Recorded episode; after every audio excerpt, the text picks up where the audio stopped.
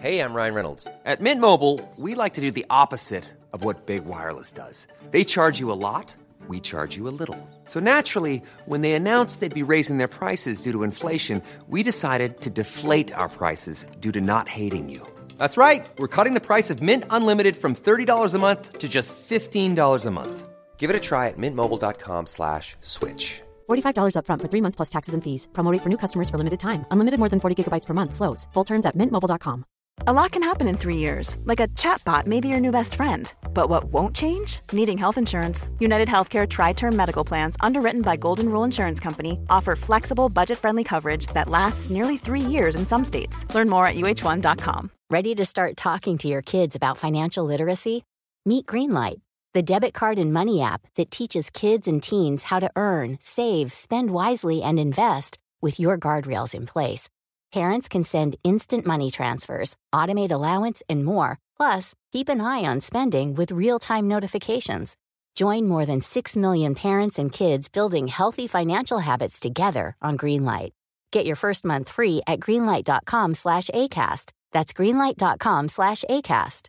Hey, Dave. Yeah, Randy. Since we founded Bombus, we've always said our socks, underwear, and t shirts are super soft. Any new ideas? Maybe sublimely soft. Or disgustingly cozy? Wait, what? I got it. Bombus. Absurdly comfortable essentials for yourself and for those facing homelessness. Because one purchased equals one donated. Wow, did we just write an ad? Yes. Bombas. Big comfort for everyone. Go to bombas.com slash ACAST and use code ACAST for 20% off your first purchase. I don't need a lot of brains in this business. I mean, I've always said if you got an IQ of 160, give away 30 points to somebody else because you don't need it in investments. What you do need is emotional stability. Wow. Very first tech IPO, and it's a big one. Stock market hit an all time record high today. A crash is coming. Now, whether it's six months from now, 12 months, 36 months, no one knows. There's a bear market about every five years. We've gone eight years without one. People have to realize this is the biggest IPO ever. Hej och välkommen till ett nytt avsnitt av Market Makers. Vi går i väntans tider Fabian, eller hur? Absolut. Eller ja, det beror på vad du menar med det. Jo, men alla väntar ju på att det här med att värdeaktier versus tillväxtaktier, någon gång ska den traden vända. Det har ju varit så att tillväxtaktier har ju varit extremt dyrt jämfört med värde och då ser man någon gång kommer det där vända och så kommer värdeaktier ta igen. För det där är alltid mean reverting, liksom. det går alltid tillbaka igen. Och precis som att det är många som väntar på att eh, råvaror ska värderas upp mot aktier igen, eh, som också är en sån här spread, eller fan som man säger, relativ värdering som man har pratat om länge. Men det händer aldrig. Nej, det gör ju inte det. Och eh, framförallt när det kommer till värdeaktier, jag ser ingen katalysator eh, på horisonten så länge som Fed fortsätter trycka pengar och göra tillväxtaktier fortsätter vara en bra investering. Eh, jag, jag, tror inte att eh, du kommer se en mean reversion på ren värdering. Det kommer behöva ändras någonting i makroläget som har tryckt upp tillväxtaktier.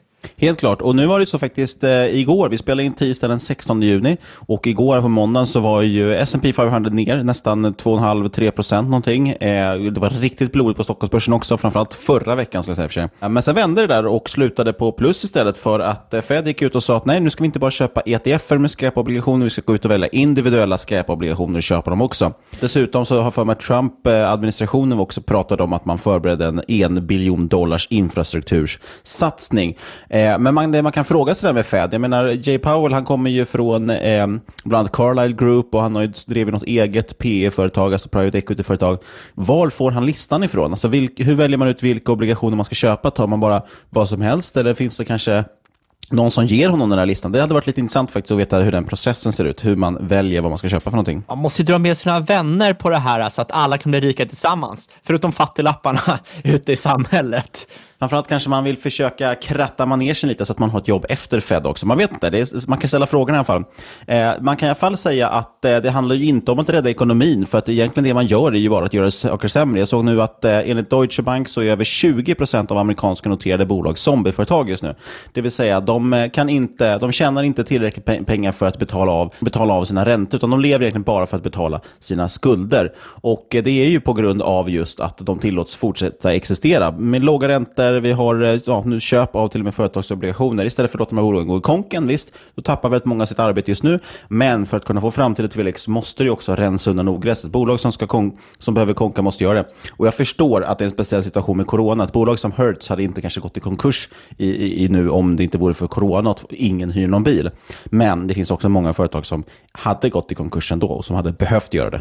Absolut, och framförallt fortsätter på den här välfärdsklyftan i ja, till exempel USA, där vi har sett att det har varit en, ex, en extremt stor ökning mot eh, socialism senaste åren och det kommer ju fortsätta öka. Så är det. Framförallt nu när du har den här republikansocialismen, eh, att man ska ja, socialisera de rika till eh, nackdel för de som redan är fattiga. Framförallt den här, eh, jag vill inte gå in på politik på det sättet, men, men framförallt så pratar man ju mycket om det här med att man eh, har kapitalism när det gäller vinsterna, men man har socialism när det gäller förlusterna. Allmänheten ska vara med och betala i förlusterna i form av skattepengar eller snarare nytryckta pengar då som någonstans ändå ska betalas och tappar värdet på resten av pengarna. Eh, men vinsterna får man gärna ta del av själv.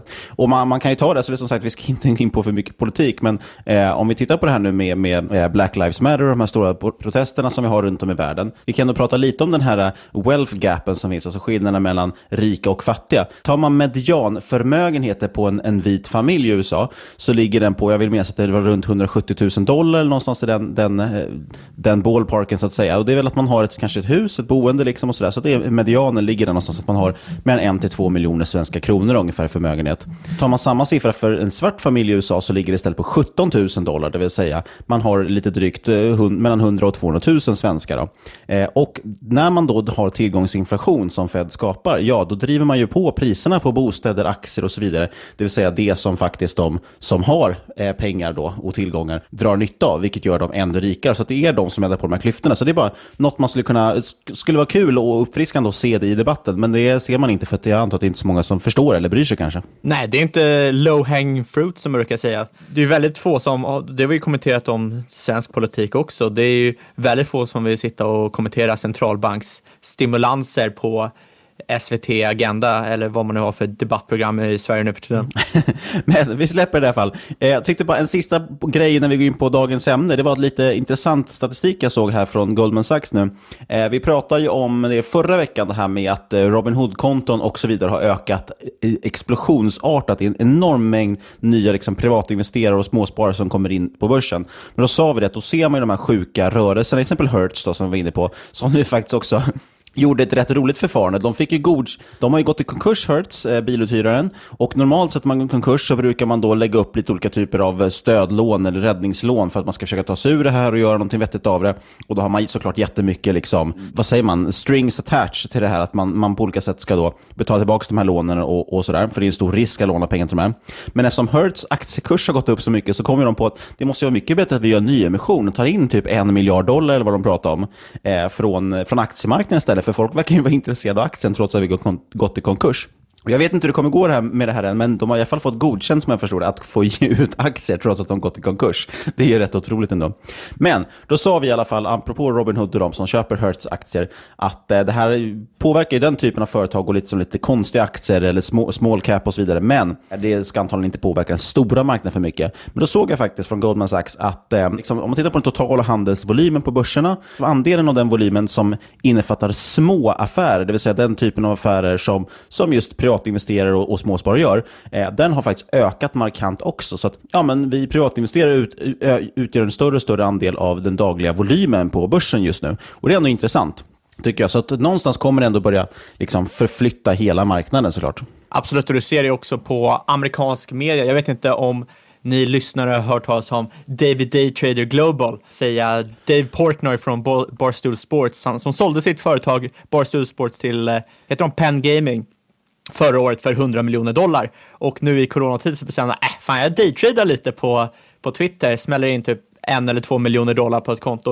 Och han har ju fått en extrem följning på Twitter av privatinvesterare. Och med all är... rätt, för han är ju sjukt rolig, men det är väldigt många som inte verkar förstå att det är satir. Och framförallt, det... han stoppar in någon miljon av sina hundra, så att det är inte så att han satt sitt liv på, på linjen här direkt. Exakt, det är 100% satir och han driver ju med de professionella investerarna. Och säger lite saker som, ah, men jag är bättre än Warren Buffett, Warren Buffett kan inte utprestera mig som har gått, vad han nu gått, 50% på året eller vad han nu har gjort. Men det här tas ju upp i all typ av amerikansk media. Du ser det i CNBC, i New York Times, du ser det i Financial Times. Och det ger ju lite, eldar ju på lite av den här retail trading boomen. Absolut. Och, eh, men som sagt, det är många som inte verkar förstå. Senast idag hörde jag faktiskt Motley Fool tog ut på honom, gjorde ett specialavsnitt om just daytrading och riskerna med det, som att det vore att, att han liksom gav investeringsråd, verkade de tro. Och förra veckan, våra kära poddkompisar i Kvalitetsaktiepodden tog också upp Dave Portnoy. Eh, och jag vet inte heller riktigt om de greppade att det var satir faktiskt. Jag tycker faktiskt det är, det är humor på hög nivå, om jag ska vara ärlig. Jag tycker han är riktigt, riktigt rolig. Ja, det han gör är ju att driva med de här professionella investerare. Det jag tycker är jäkligt intressant är att det kommer ju folk som ska kommentera på hans videos från typ CNBC, Fast Money och liknande. Ah, du respekterar inte yrket, du respekterar inte vad vi gör. Och, om, om det är en svår industri, du kan inte bara komma in hit och tro att det är någon. Och, eh, och han är ju bättre än Warren Buffett. Hittills i alla fall. Hans track record så har han ju... Mäter man från han började så har han ett bättre track record än Warren Buffett. Och det är få förunnat ändå. Men du, vi ska inte prata om varken Warren Buffett eller Black Lives Matter idag. Vad ska vi prata om? Vi ska prata om edge computing, living mm. on the edge så att säga. Eller, efter kvantdatorn kommer kantdatorn. Ja, var en rubrik som jag plockade från typ eh, PC Gamer eller något i den stilen, teknikens värld eller någonting. One size fits all seems like a good idea for clothes until you try them on. Same goes for healthcare. That's why United Healthcare offers flexible, budget-friendly coverage for medical, vision, dental, and more. Learn more at uh1.com. Many of us have those stubborn pounds that seem impossible to lose, no matter how good we eat or how hard we work out. My solution is PlushCare PlushCare is a leading telehealth provider with doctors who are there for you day and night to partner with you in your weight loss journey. They can prescribe FDA-approved weight loss medications like Wagovi and Zepbound for those who qualify. Plus, they accept most insurance plans. To get started, visit plushcare.com slash weight loss. That's plushcare.com slash weight loss. Many of us have those stubborn pounds that seem impossible to lose, no matter how good we eat or how hard we work out. My solution is PlushCare PlushCare is a leading telehealth provider with doctors who are there for you day and night to partner with you in your weight loss journey. They can prescribe FDA-approved weight loss medications like Wagovi and Zepbound for those who qualify. Plus, they accept most insurance plans. To get started, visit plushcare.com slash weight loss. That's plushcare.com slash weight loss. Ready to start talking to your kids about financial literacy? Meet Greenlight the debit card and money app that teaches kids and teens how to earn, save, spend wisely, and invest with your guardrails in place. Parents can send instant money transfers, automate allowance, and more. Plus, keep an eye on spending with real time notifications. Join more than 6 million parents and kids building healthy financial habits together on Greenlight. Get your first month free at greenlight.com slash ACAST. That's greenlight.com slash ACAST. One size fits all seemed like a good idea for clothes. Nice dress. Uh, it's a it's a t-shirt. Until you tried it on. Same goes for your healthcare. That's why United Healthcare offers a variety of flexible, budget-friendly coverage for medical, vision, dental, and more. So whether you're between jobs, coming off a parent's plan, or even missed open enrollment, you can find the plan that fits you best. Find out more about United Healthcare coverage at uh1.com. That's uh1.com. Ja, vi ska prata om Edge Computing och eh, det här är ganska intressant. Det handlar ju egentligen om, alla har väl börjat förstå ungefär vad molnet är. Eh, men så finns det ju någon, någonting som heter Edge Computing för att molnet är ju liksom alla de här datacentren som finns som runt om i världen. Men vissa saker måste ske väldigt nära användaren, antingen kanske direkt i enheten eh, eller då i eh, liksom, åtminstone datacenter närmare. Och det är lite kul, det finns faktiskt också ett begrepp som heter Fog Computing. Jag tror vi pratade om det för länge, länge sedan i podden någon gång. Eh, och det handlar ju också om det här först har du liksom molnet längst upp och molnet bildar ju då en dimma runt om som kommer liksom närmare och närmare eh, marknivån, eller snarare användarna i det här fallet. Då. Eh, och det hänger ihop med det här också. Ja, eh, exakt. Jag tänkte bara lägga in en liten disclaimer här nu så att vi inte får några arga kommentarer. Allmänt när det kommer till olika typer av computing och dat datorer och internet så det blir väldigt tekniskt väldigt snabbt så vi kommer ju förenkla rätt mycket eh, för att alla ska kunna hänga med och eh, vi kommer generalisera rätt mycket om hur saker fungerar eh, vi kommer väl väldigt mycket fokusera på marknaden för edge computing och liksom kunder, vilka som kan tycka det här är intressant, snarare än kanske produktdifferentiering eftersom det här verkligen kan bli väldigt svårt att greppa utan rätt bakgrundskunskap. Och eh, framförallt så kanske det här ämnet inte är optimalt för podd eftersom jag tycker i alla fall illustrationer hjälper väldigt mycket med förståelse. Men å andra sidan, det är kul att snacka om, så jag tycker bara att vi ska köra på det ändå. Dessutom jag skulle vilja säga ändå att vissa delar är ju väldigt, väldigt begripliga, medan vissa såklart är väldigt, väldigt svåra. Vi får försöka hålla oss till de mest begripliga och sen komma in på några intressanta bolag. Ja, vår värld är rent sagt hyperuppkopplad. Att eh, ha all data på en enda plats, som du säger Niklas, går helt enkelt inte eftersom användare finns överallt. För att applikationer och hemsidor och allt annat ska kunna vara snabba betyder det att datan behöver finnas där användarna finns. Så det är kanske inte är så svårt att greppa egentligen. Och jättebra exempel kan jag tycka på det. Det är ju om man tittar på bilar idag så har ju de faktiskt, snittbilen idag har ungefär 50 CPU eller processorenheter. Då. Eh, och det är ju helt enkelt för att man måste kunna processera mer data på plats. Om man ska ta extremexemplet, vi har en självkörande bil som kör längs vägen och sen så ser den någonting på vägen. Då måste den ju analysera, är det ett barn jag ser eller är det bara en plastpåse som blåser förbi? Och då har man inte riktigt tid att skicka iväg datan trådlöst någonstans. Den ska processeras i ett datacenter, skickas tillbaks och förhoppningsvis komma fram med bilen bilen tillräckligt fort för att ta ett beslut. Och Då är det viktigt att man ska kunna processera saker direkt på plats. Man vill ha ett svar liksom, så fort som möjligt och inte vara beroende av något annat. Det tycker jag i alla fall är ganska tydligt så use case för, för edge computing. Absolut, och eh, det finns hur mycket use cases som, som helst. Men som du säger, eh, bilar finns även om man eh, tänker flygplan genererar extremt mycket data. Framöver kommer de generera cirka 5 terabyte data per dag och den här sjuka ökningen av datavolymer kräver ju en helt ny typ av infrastruktur, datahantering och leverans för att effektivt kunna hantera det här. Och man kan ju i stort sett ställa sig varför, för att det är ju inte bara att du har de här typen av bilar och eh, flygplan som tar och skickar data det är också det att eh, våra krav som kunder och användare har vuxit exponentiellt de senaste tiderna, tiderna de senaste tiden, de senaste åren. Eh, väldigt få tolererar, tolererar lagg när de spelar dataspel. Om en video behöver buffra brukar det resultera i en sönderslagen skärm. Det är väldigt få som gillar lagg, de gillar inte latens. Och så mycket som möjligt vill man ju minska det här för att förbättra användarupplevelsen. Helt enkelt kommer det till en punkt där det är så mycket data, så mycket information att det ej kan, det kan ej processeras eh, av ett måls centrala servrar. Eftersom då som sagt latensen kommer vara ett väldigt stort problem. Om man då tar VR som ett exempel som kanske är lite enklare att eh, ta sig till, som jag tror att de flesta har använt sig av VR, till exempel en självkörande bil, så kommer alla fördröjningar över 7 millisekunder skapa åksjuka. Och eh, det här resulterar i ett extremt stort för problem för alla företag som vill skapa VR-produkter, som vill skapa VR-spel. Om du då måste sitta och skicka datan från VR-headsetet till en central server och tillbaka.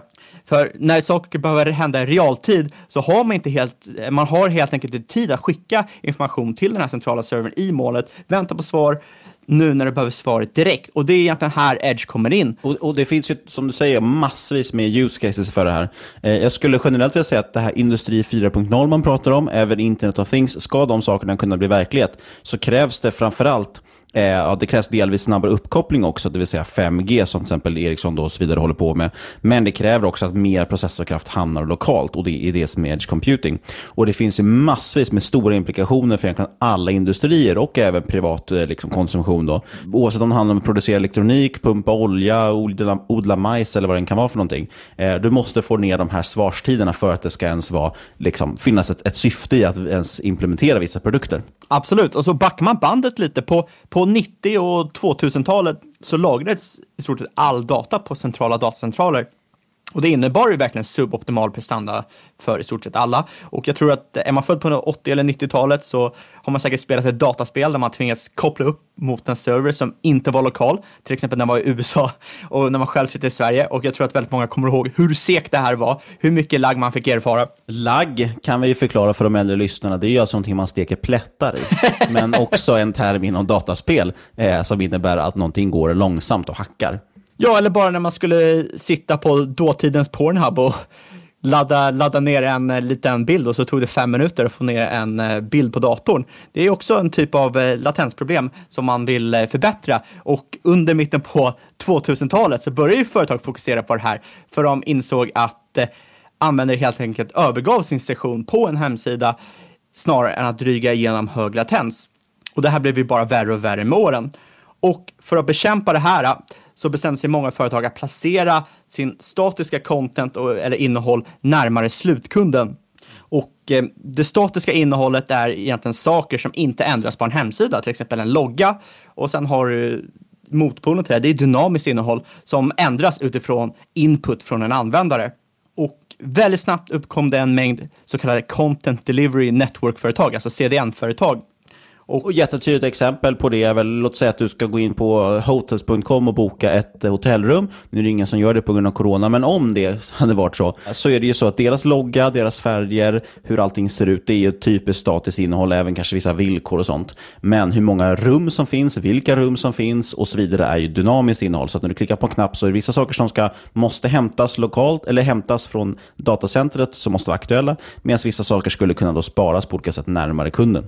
Exakt, och väldigt snabbt uppkom det en mängd så kallade Content Delivery Network-företag, alltså CDN-företag. Och eh, de här tjänsterna etablerade en infrastruktur. POP är nog många som har hört talas om, Point of eh, Presence. Och det här var system för att ladda upp, refresha och leverera innehåll till kunder.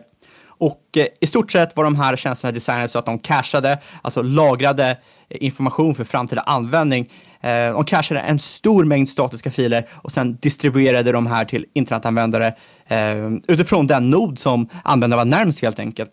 Och det här resulterade egentligen i att laddningstider rasade och CDN-företagens omsättning rusade. Och sen när cloudföretag började bli en grej på sent 2012 så började även de satsa på CDN eftersom det var, den här tjänsten var väldigt lätt att tillgodose vid den här tiden.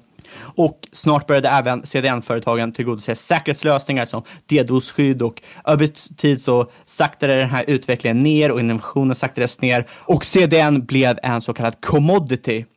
Alltså en ren råvara. Du tjänar inte så mycket pengar på att tillgodose CDN.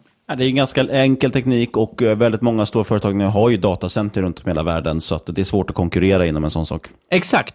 Men... Ungefär som att försöka vara unik med att man erbjuder internetuppkoppling i sina telefoner. Exakt.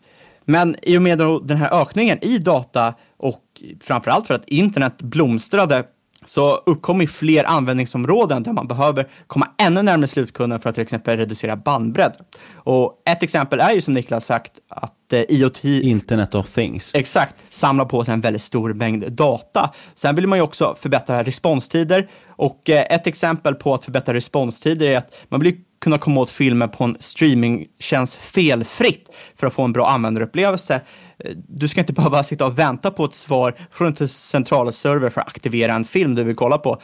Tänk att se, sitta och vänt, behöva vänta 5-10 sekunder för att kunna klicka in dig på en Netflix-film. Jag tror inte det är så många som hade accepterat det. Och det är ju precis det här som bland barn har försökt bygga med sitt här Elementica, kallar de väl sitt datacenter, som det har pratats mycket om och diskuterats fram och tillbaka om det är en vettig investering eller inte. Men det är ju precis det de har försökt bygga med den till exempel. Eh, ett datacenter som kan vara mer lokalt och snabbare för att kunna erbjuda saker på, på kortare håll, eller kortare distans. Exakt, och det blir liksom, edge computing blir det blir punkten där den fysiska världen integreras med den digitala världen på ett sätt och eh, helt enkelt tillåter den här datan att processeras, filtreras och aggregeras före det sänds till ett datacenter. Och eh, jag, jag vill ju påpeka att den här decentraliserade åtgärden, det kommer inte ta över centraliserade servrar som man främst använder idag, men de kommer behöva komplettera varandra för att appli eh, applikationen ska kunna köras optimalt. Och namnet Edge, där, apropå att, eh, att den fysiska världen möter det digitala, egentligen är ju det som namnet kommer ifrån, som jag tycker i alla fall gör det då ganska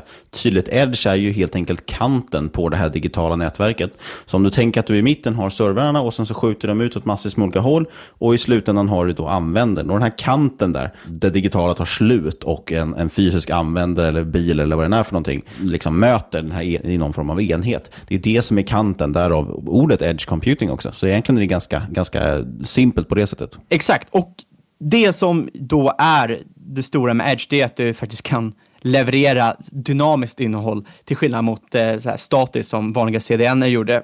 Det här har inte tidigare varit ett alternativ för att det har varit mycket svårare att göra eh, tillgängligt utan edge-server. Framförallt har det inte ens tidigare varit ett behov innan uppkomsten av IoT, gaming, AR, olika typer av autentisering, det vill säga saker som samlar data, har höga latenskrav, kräver mycket brandbredd och eh, kontrollerad tillgång. Det var när det här uppkom som behovet av Edge ökade och eh, kommer troligtvis öka väldigt snabbt framöver.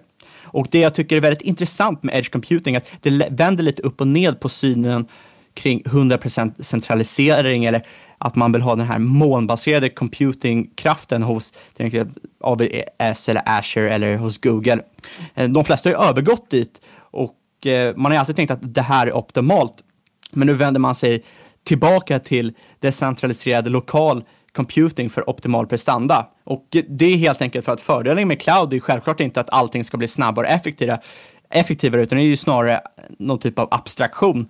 Fördelen är ju att du slipper själv ta hand om infra infrastrukturen och det är väl snarare det man har kommit fram till att moln, molncomputing är. Det är inte så mycket om snabbhet, det är om abstraktion och en effektivisering av eh, kostnader. Man pratar ju mycket om det här med serverless, det vill säga att, och det kan ju lätt misstolkas som att, att du inte har några servrar, men det är ju tvärtom, att du har ju massor med servrar som kan göra massor med saker. Så att när jag till exempel då vill, eh, ja, förra veckan, vi pratade ju om statistikföretag veckan, och eh, vill jag då till exempel analysera någon form av data, ja då kan jag ju egentligen göra det på vilken dator som helst. Jag skickar bara en förfrågan upp till ett stort datamoln och då skickar ju de då liksom den här den process, processeringen som behöver göras, så säger de, ja, finns det någon server här i den här datahallen som är ledig? Ja, så säger jag, jag är ledig och så så gör den det och skickar tillbaks. Och då betalar jag ju för datorkraften som används och inte för att liksom köpa en hel server eller hyra en hel server och så vidare. Och Det är egentligen samma sak här. Man, man har jättestora datakluster som då kan göra små operationer till massvis med olika människor och, eh, och hantera det här på, på ett smidigt sätt. Och Det sparar väldigt mycket pengar och eh, i någon form av, hänger ihop med hela kapitalismen också, att man, de, man ska göra det som man är bäst på helt enkelt och fokusera på det. Absolut, och marknaden för edge computing ligger idag på cirka 2,7 miljarder dollar och förväntas växa med ett kagger på över 35 procent till 2022. Då kommer det vara strax under 7 miljarder dollar. Ja, precis. Eh, Gartner såg jag, de hade ju gått ut och sagt att eh, 2022 så säger, tror de att mer än hälften av all data genererad från företag kommer att skapas och processeras utanför datacentrumolnet, det vill säga någon form av edge computing eller fog computing. Då. Eh, och precis som du säger, jag såg IDC estimera också att närmare hälften av alla företag kommer att ha dubblat sina investeringar i edge computing inom två år och att 40% av alla IoT-data kommer att behöva processeras i edget, eller om man ska kalla det för, på kanten kanske man ska kalla det för. Absolut, och jag tror att eh, många kanske inte har tänkt på det, men nu i coronatider så är det väldigt många företag som har sett en väldigt stark ökning av sin användarbas. Till exempel Amazon eller eh, olika typer av lärningsprodukter, e-handelsprodukter, streamingprodukter. Och eh, jag läste ett blogginlägg från Khan Academy som då håller på att syssla med internetbaserat lärande. Och de hade ju gått ut med och sagt att det enda sättet de skulle kunna klara den här starka ökningen av användare, det var att koppla in ett edge computing-företag som vi ska ta upp idag för att hantera den stora processeringskraften som behövdes, som var nödvändig. Ja, men precis. Då kanske vi ska komma in på det, vilka bolag som kan gynna oss där och eh, vilka ska vi prata om idag? Vi har ju kört det enligt klassiskt format och fokuserat framförallt på två stycken bolag som vi tycker är intressanta, men vi kommer nämna några fler också. Absolut, och för det, för det jag tänker, att när det kommer till företag så är de flesta som sysslar med Edge, de är, framförallt så sysslar de ju med CDN och tillhörande tjänster, vilket jag tycker är rätt eh, ointressant eftersom som sagt det är ju en ren commodity nu för tiden. Och då blir det mer intressant att fokusera på bolag som kommer allt mer fokusera på Edge eller har någon annan typ av skalfördel. Och aktörer som kanske har skalfördel är Amazons AVS, det är Microsoft Azure, du har en äldre CDN, eh, eh legacy CDN-företag som heter Akamai. Men de bolagen som är lite mer inriktade på Edge som jag tycker är intressant är bland annat Fastly och Cloudflare. Och anledningen varför man fokuserar på de här företagen är för att de erbjuder mycket snabbare start times, bättre memory management än till exempel molnleverantörer och de här klassiska CDN-företagen. Vilket eh, med den här då tekniska fördelen eh, fördelningen, fördelen eventuellt ska kunna gynna de här företagen framöver. Ja, och vi kanske ska börja med Fastly då, som känns som ett snabbt företag. De har i alla fall haft en väldigt snabb uppgång och väldigt heta. Upp nästan 170 procent i år. Jag tror igår här på måndag så var de väl upp 11 procent. Eh, ja, bolag som, som både där aktiekursen och omsättningen växer fort. Ja, de gick väl eh, strax under 50 procent på Q1-rapporten som är en riktigt monster. Men i alla fall, deras produktkatalog inkluderar ju de här traditionella CDN-tjänsterna. De har videostreaming som minskar laddningstid för videos, molnsäkerhet som DDoS-skydd, load balancing, alltså distribuering av olika typer av resurser. DDoS brukar man väl ändå säga, måste jag bara påpeka. Vad sa jag för någonting då? DDoS. jag vet att, du, jag vet att du, du vet att det heter DDoS, men ja, det var lite roligt. Det var. Ja, ja. låter som ett nytt hett operativsystem. Efter iOS kommer DDoS. Med det sagt, det, det, är ändå inte det som är intressant, så det spelar ingen roll hur man uttalar det. Det som är intressant och framtiden för Fastly, det är ju Edge Computing. Och det som är intressant är även där bolaget satsar idag. De gick ju bland annat ut med deras eh, Compute at Edge-produkt november 2019, som nu är det beta, vilket ska tillåta utvecklare bygga egna avancerade Edge-applikationer. Och eh, den här plattformen använder ju då en så här serverless, eh, serverlös modell som Niklas förklarade tidigare.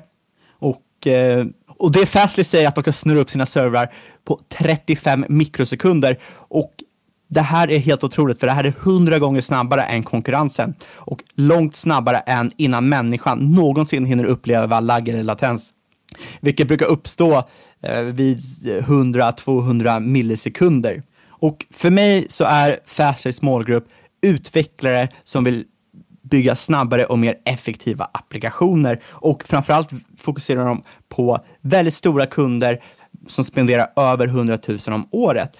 Eh, de har Airbnb, de har Pinterest som kund, de har Shopify som kund, New York Times, de har Stripe. Och det här gör ju att inte bara så har de haft en medvind med corona, utan de har inte varit så drabbade heller utifrån deras företag, för corona har ju främst drabbat de mindre företagen och inte de här stora jättarna.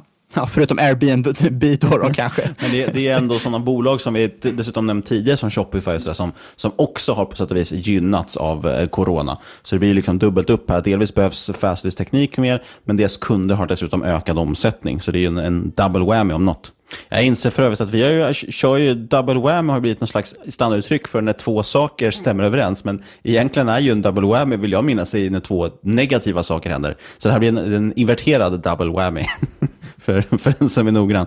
Om det är någon som håller räkningen. Ja, det kanske det är. Jag, jag använder det bara i positiva bemärkelser, men det är väl för att jag är lite double whammy.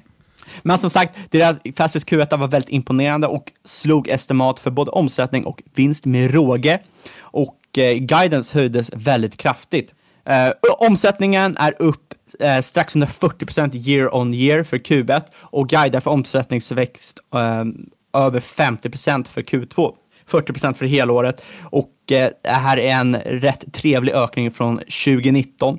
Bruttomarginalen ligger på strax under 60 och en rörelsemarginal på minus 9% Kassaflödesmarginalen minus 30 inte supertrevlig. Tyvärr då, lite samma som vi varit inne på många av de andra bolagen vi pratat om de senaste veckorna, att de satsar väl på tillväxt då, får man väl hoppas, med den här vinstpengarna de gör. Absolut. Eller snarare vinstpengarna som de inte gör. Ja, jag, jag gillar ju inte att de, det är relativt låg bruttomarginal jämfört med de andra bolagen vi har pratat om.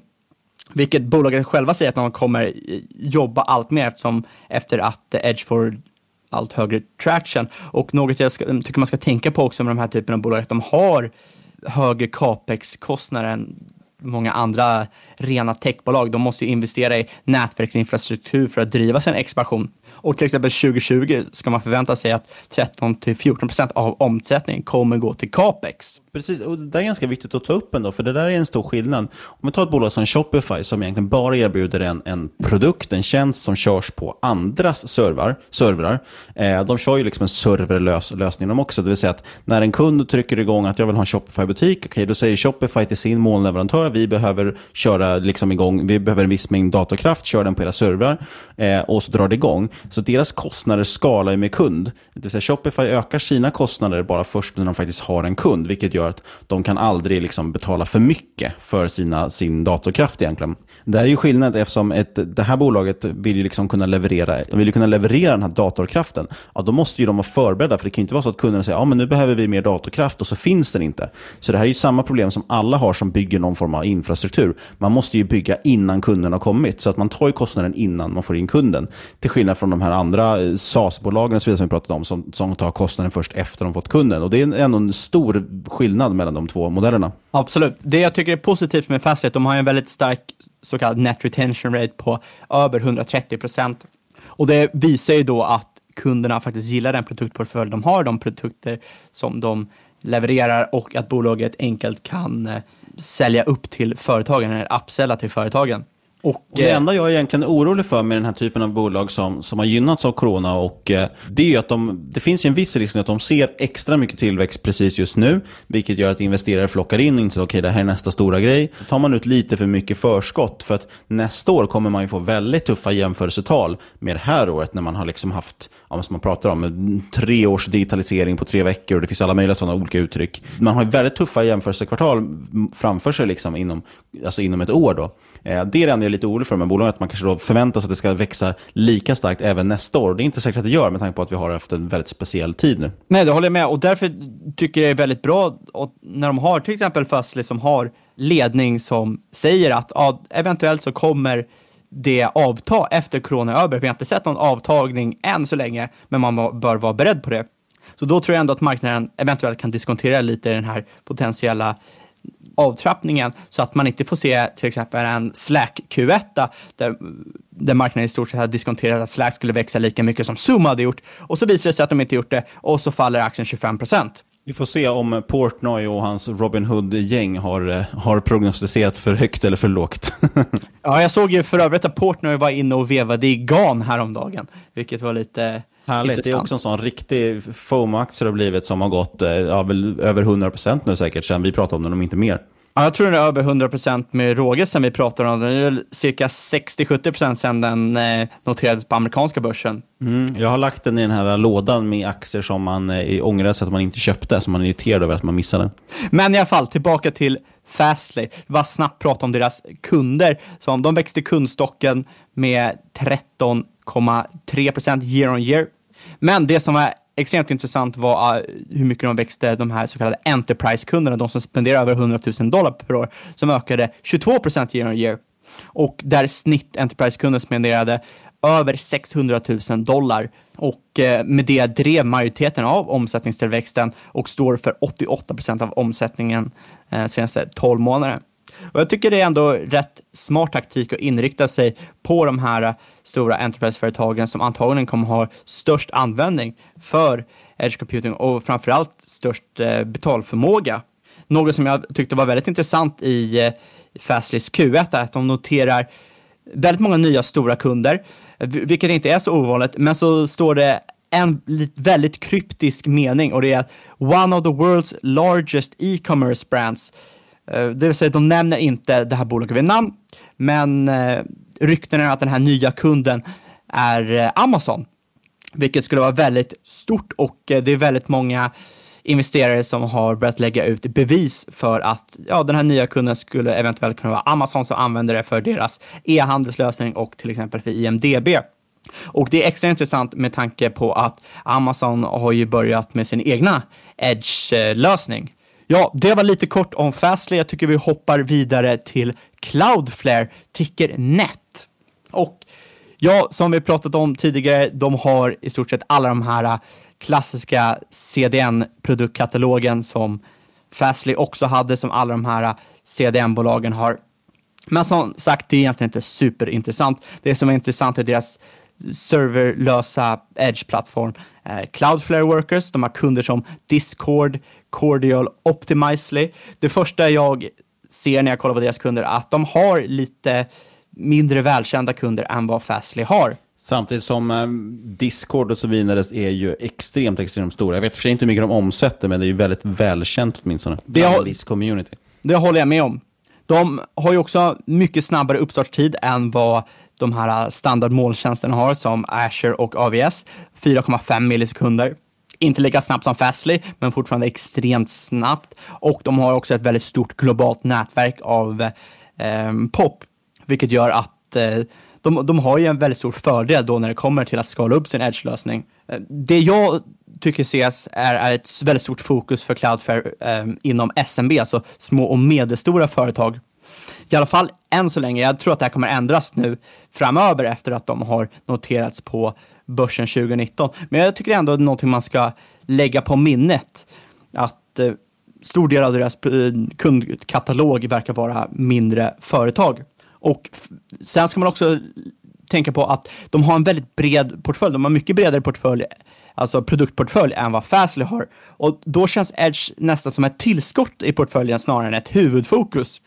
Och eh, Cloudflares målgrupp verkar nästan luta lite mer åt företag som vill göra sitt nätverk och sina eh, applikationer säkrare. Eh, som ett exempel så läggs väldigt stort fokus på uh, security under deras earnings calls, alltså mot eh, DDoS-attacker och liknande. Och självklart finns det ju då ett överlapp med Fastly, men det verkar som båda företagen divergerar lite i strategi och hur de vill satsa på vilken approach de tar när det kommer till Edge. Då Fastly kanske vill bli mer av en pure play, medan Cloudflare vill ha Edge computing som ett tillskott i portföljen. Men då hoppar vi lite snabbt till Q1. Eh, omsättningen för eh, Cloudflare upp eh, strax under 50% för Q1, guidar för 42% i Q2. Det blir alltså 36% för helåret jämfört med 49% i 2019. Och det här tycker jag ska ses som negativt, att de guidar för avtagande tillväxt för ett år som borde starkt gynna Cloudflare. Och det här tror jag är på grund av deras eh, kundkatalog till exempel. Skillnaden då mot Fastly ja, Det där är faktiskt har... lite, Precis, den är ju lite förvånande faktiskt. Det var inte, inte det man förväntade sig direkt i de här tiderna så att säga. Nej, exakt. Och speciellt inte då när Fastly guidar tvärtom. De har en, en starkare omsättningstillväxt än vad Cloudflare har haft. Eller eh, förlåt, än vad de tidigare har haft. Dessutom har Cloudflare en mycket lägre net retention rate än Fastly som ligger på 117 procent. Och jag tycker allmänt att det är ett relativt låg retention rate för ett sånt här typ av bolag. Speciellt ett sånt här typ av bolag som är eh, rätt starkt värderat. De ligger på ett eh, enterprise value per sales på strax under 28 jämfört med Fastly som ligger på 22,5 det du vill ha, du vill ju ha en stark upsell för det är det absolut billigaste sättet att tjäna mer pengar. Om du inte har en stark upsell, då får du väldigt taskiga skalfördelar framöver. Med det sagt, en positiv sak med Cloudflare och det är tillfället av deras starka produktportfölj är att de har en väldigt hög bruttomarginal. Bruttomarginalen ligger på 78 procent. Eh, rörelsemarginalen på minus 16 procent och en FCF-marginal på cirka minus 30 procent. Så marginalerna, bruttomarginalerna, mycket bättre än vad Fastly har. De andra marginalerna är ungefär i, på samma spår. Det är ju imponerande siffror, men återigen alltid trist när de inte gör någon vinst. Man får hoppas att de spenderar den på någonting vettigt. Ja, absolut. Och en ytterligare frågeställare jag också har är, vad kommer konkurrensfördelen vara framöver? För just nu är det rätt självklart att det är en teknisk fördel. De har också en infrastruktursfördel. Men kommer det här ha potential att eh, bli commoditized likt eh, CDN-nätverk har blivit? Eller kommer det här kommer till exempel Fastly, om de är marknadsledare, fortsätta kunna vara marknadsledare som tjänar pengar på det här? Eller kommer möjligt, möjligheten för att få en eh, ekonomifördelar minska över tid. I alla fall en, en av de stora fördelarna för då Fastly framför till exempel AVS eller Azure är att då att Fastly redan cashar datan vid kanten. Så det är ju en relativt naturlig övergång för dem att börja processera den här datan utöver just att de har en te teknologisk fördel. Men som sagt, finns det en risk för en commoditization framöver? Eventuellt kan det finnas det. Och det, det kan ju vara lite läskigt när man investerar i de här företagen. Så är det ju alltid med många bolag som, som kan vara extremt revolutionerande när de kommer. Men vissa tekniker är ju väldigt lätta att på sikt, liksom, när, när de väl behövs, då kommer de bli, gå ner extremt mycket i pris. Medan vissa andra saker eh, inte är lika lätta att få, få ner i pris. Exakt, och eh, då är frågan, kommer de stora spelarna kunna ta över det Fastly gör eller kommer till exempel Fastly eller Cloudflare bli en av de nya stora spelarna? Men ska vi snabbt hoppa in på eh, Azure, AVS och Akamai. Absolut, och jag har några andra jag skulle vilja ta upp också. Ja, vi kör bara på de här lite snabbt för att bränna av den här stora listan. AVS med deras AVS Lambda. En fördel för det här är att det är tillgängligt i flera programmeringsspråk. En nackdel med att de det är tillgängligt i flera programmeringsspråk är att ja, då kan inte det bli lika snabbt. Eh, Fastly som exempel har bara två programmeringsspråk, så att det är mycket lättare att eh, få en snabb responstid. Historiskt sett så kan vi se det här också. AVS har varit väldigt långsamma på att starta upp sina servrar och de försöker bli snabbare, men de är fortfarande inte lika snabba som Fastly och Cloudflare. Azure är eh, på ingång faktiskt, de har, men de har väldigt starkt fokus på IoT och machine learning. Kunder som Starbucks och Airbus, men de fokuserar mest på industriella enheter, fysiska affärer, inventariesystem och liknande. De har alltså inte en lika bred potentiell marknad som Cloudflare och Fastly. Och sen har du Akamai, gammal, gammal CDN-spelare. Och de har sin Intelligent Edge-plattform, men den är inte lika utvecklad som konkurrenternas. Det jag tycker man bör akta sig med här med Akamai är att de har en väldigt hög penetration bland eh, kunder.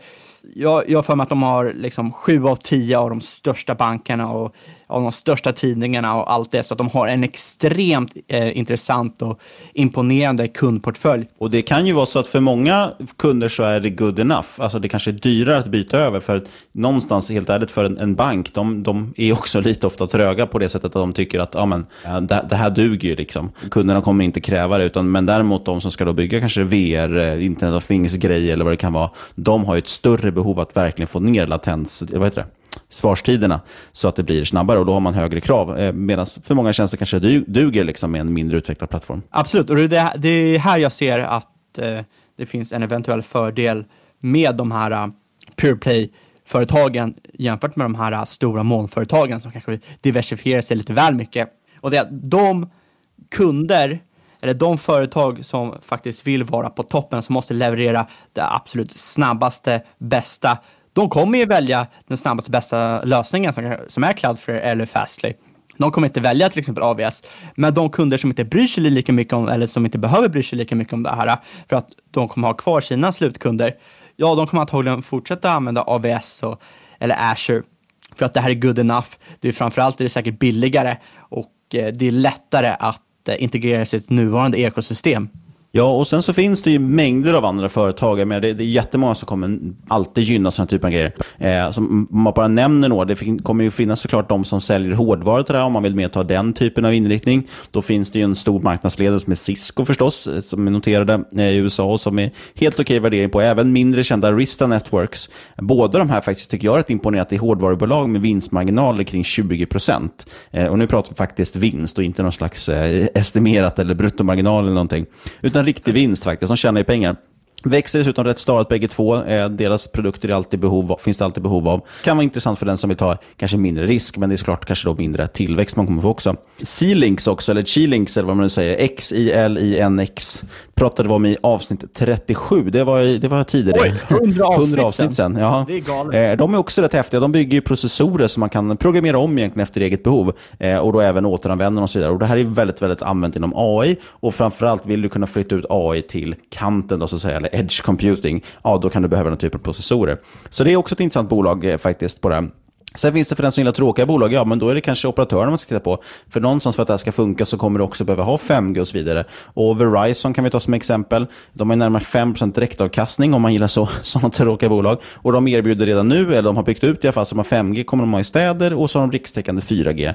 Eh, givetvis även Ericsson och den här typen av bolag kan man ju kika på. Så att, ja, det är också bolag som behövs i hela den här delen. Och vill man då liksom sänka risken lite grann, eller framförallt ha bolag som är lite lättare att räkna på, ja, det är kanske den typen av företag man ska titta på. Men kan man verkligen köpa ett bolag som har 5% direktavkastning och säga att man lever on the edge? Ja, ska vi börja med, är det något av de här bolagen vi pratar om som väger aktier? Nu har vi pratat om väldigt många, vi pratar om Amazon och Microsoft och allt möjligt, men av de här två huvudbolagen som vi pratat om, som vi har fokuserat mest på, är det något vi äger? Eh, ja, i min portfölj som 100% går ut på eh, momentum och eh, antingen dubbla portföljen eller spränga kontot innan året är över, så äger Allt- jag Fastly. Allt som Dave Portnoy kan tänka sig att äga har du i din portfölj i hopp om att han ska köpa det. Absolut. Jag har aldrig sagt att jag är en bra investerare, jag har bara sagt att jag gillar att spränga portföljen. Och det är det jag siktar på. Och jag äger faktiskt också pytte, pytte lite Fastly. Jag har ju tröttnat nu på att stå utanför alla de här bolagen vi pratade om som går sen jättebra. Så att nu köper jag lite för att vara på säkra sidan. Men Cloudflare har jag inte. Jag har inte heller Cisco, Arista Networks, Xilinx eller Verizon som vi pratade om. Däremot kanske man kan nämna Microsoft då, som vi har varit inne på lite grann. Och som vanligt, inget hört i den här podcasten ska ses som rådgivning. Alla åsikter är våra egna eller vår gäst och eventuella sponsorer tar inget ansvar för det som sägs i podden. Tänk på att alla investeringar är förknippade med risk och sker under eget ansvar.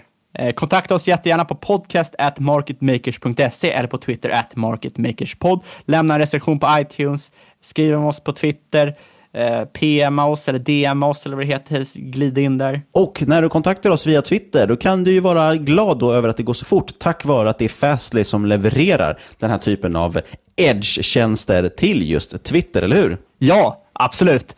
Och eh, sist men absolut inte minst vill vi tacka alla våra edgare där ute. Tack för att du lyssnat. Vi hörs igen Vi hörs igen om en vecka. Och det är sista egentligen ordinarie avsnittet innan vi drar igång vår sommarserie. Och sen dessutom kommer ha lite, lite sommaruppehåll. Och det ser vi fram emot.